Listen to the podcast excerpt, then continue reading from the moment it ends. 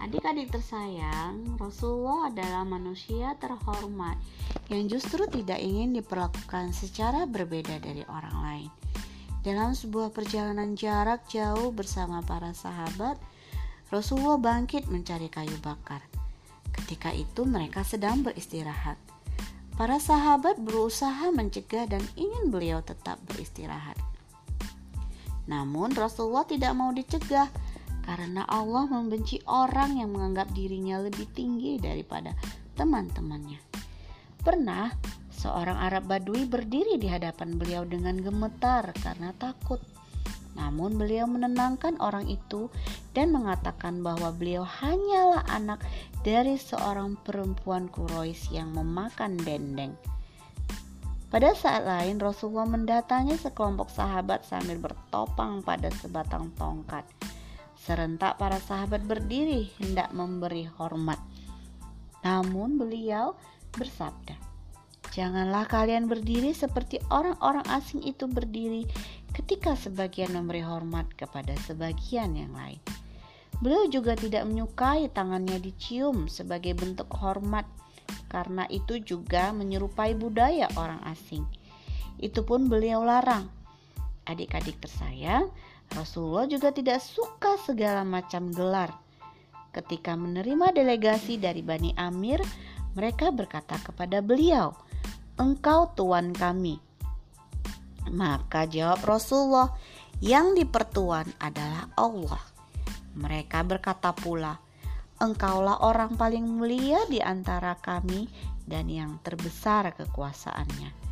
Beliau menjawab, "Berbicaralah sesukamu, tapi jangan sekali-kali kamu mau dipermainkan setan. Abu Bakar bercerita, ada seorang laki-laki yang menyanjung laki-laki lain di sisi Rasulullah. Maka beliau bersabda, celaka engkau, telah engkau patahkan leher sahabatmu. Maksud Rasulullah adalah jika kita memuji-muji seseorang, besar kemungkinan orang yang kita puji akan takjub kepada dirinya sendiri dan menjadi sombong. Itulah yang membiasakan dia seolah-olah seperti dipatahkan lehernya. Suatu hari Bunda Hafsah menceritakan bahwa alas tempat tidur Rasulullah adalah dua lapis buluh. Kamu tahu apa itu buluh? Bambu. Pada suatu hari tanpa sepengetahuan beliau, kami jadikan empat lapis. Keesokan harinya Rasulullah memperingatkan kami agar Perbuatan itu jangan sampai terulang lagi. Biarkanlah tempat tidurku tetap dengan dua lapis saja. Akibat empuknya, kasur itu menghalangi sholatku semalam. Demikian cerita kita malam ini. Besok kita sambung kembali ya.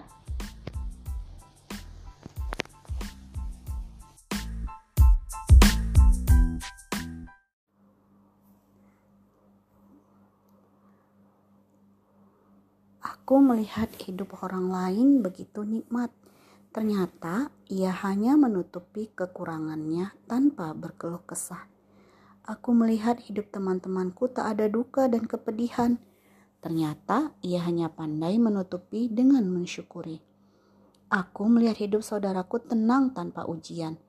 Ternyata ia begitu menikmati badai hujan dalam kehidupannya dan berhusnuzon kepada Yang Maha Kuasa. Aku melihat hidup sahabatku begitu sempurna. Ternyata ia hanya berbahagia menjadi apa adanya. Aku melihat hidup tetanggaku sangat beruntung. Ternyata ia selalu tunduk pada Allah untuk bergantung. Setiap hari aku belajar memahami dan mengamati setiap hidup orang yang aku temui. Ternyata aku yang kurang mensyukuri nikmatmu. Bahwa di belahan dunia lain masih ada yang belum seberuntung yang aku miliki saat ini. Dan satu hal yang aku ketahui, bahwa Allah tak akan pernah mengurangi ketetapannya. Hanya akulah yang masih saja mengkufuri nikmat suratan takdir ilahi. Maka aku merasa tak perlu iri hati dengan rezeki orang lain. Mungkin aku tak tahu di mana rezekiku, tapi rezekiku tahu di mana diriku berada. Dari lautan biru, bumi, dan gunung, Allah telah memerintahkannya menuju kepadaku. Allah menjamin rezekiku sejak empat bulan sepuluh hari aku dalam kandungan ibuku. Amatlah keliru bila bertawakal rezeki dimaknai dari hasil bekerja. Karena bekerja adalah ibadah, sedangkan rezeki itu urusannya. Melalaikan kebenaran demi mengkhawatirkan apa yang dijaminnya adalah kekeliruan berganda. Manusia membanting tulang demi angka simpanan gaji yang mungkin besok akan ditinggal mati. Diriku lupa bahwa hakikat rezeki bukan apa yang tertulis di dalam angka, tapi apa yang telah aku nikmati. Rezeki tak selalu terletak pada pekerjaanku. Allah menaruh sekehendaknya. Ikhtiar itu perbuatan, rezeki itu kejutan. Dan yang tak boleh kulupakan, tiap hakikat rezeki akan ditanya kelak. Dari mana dan digunakan untuk apa?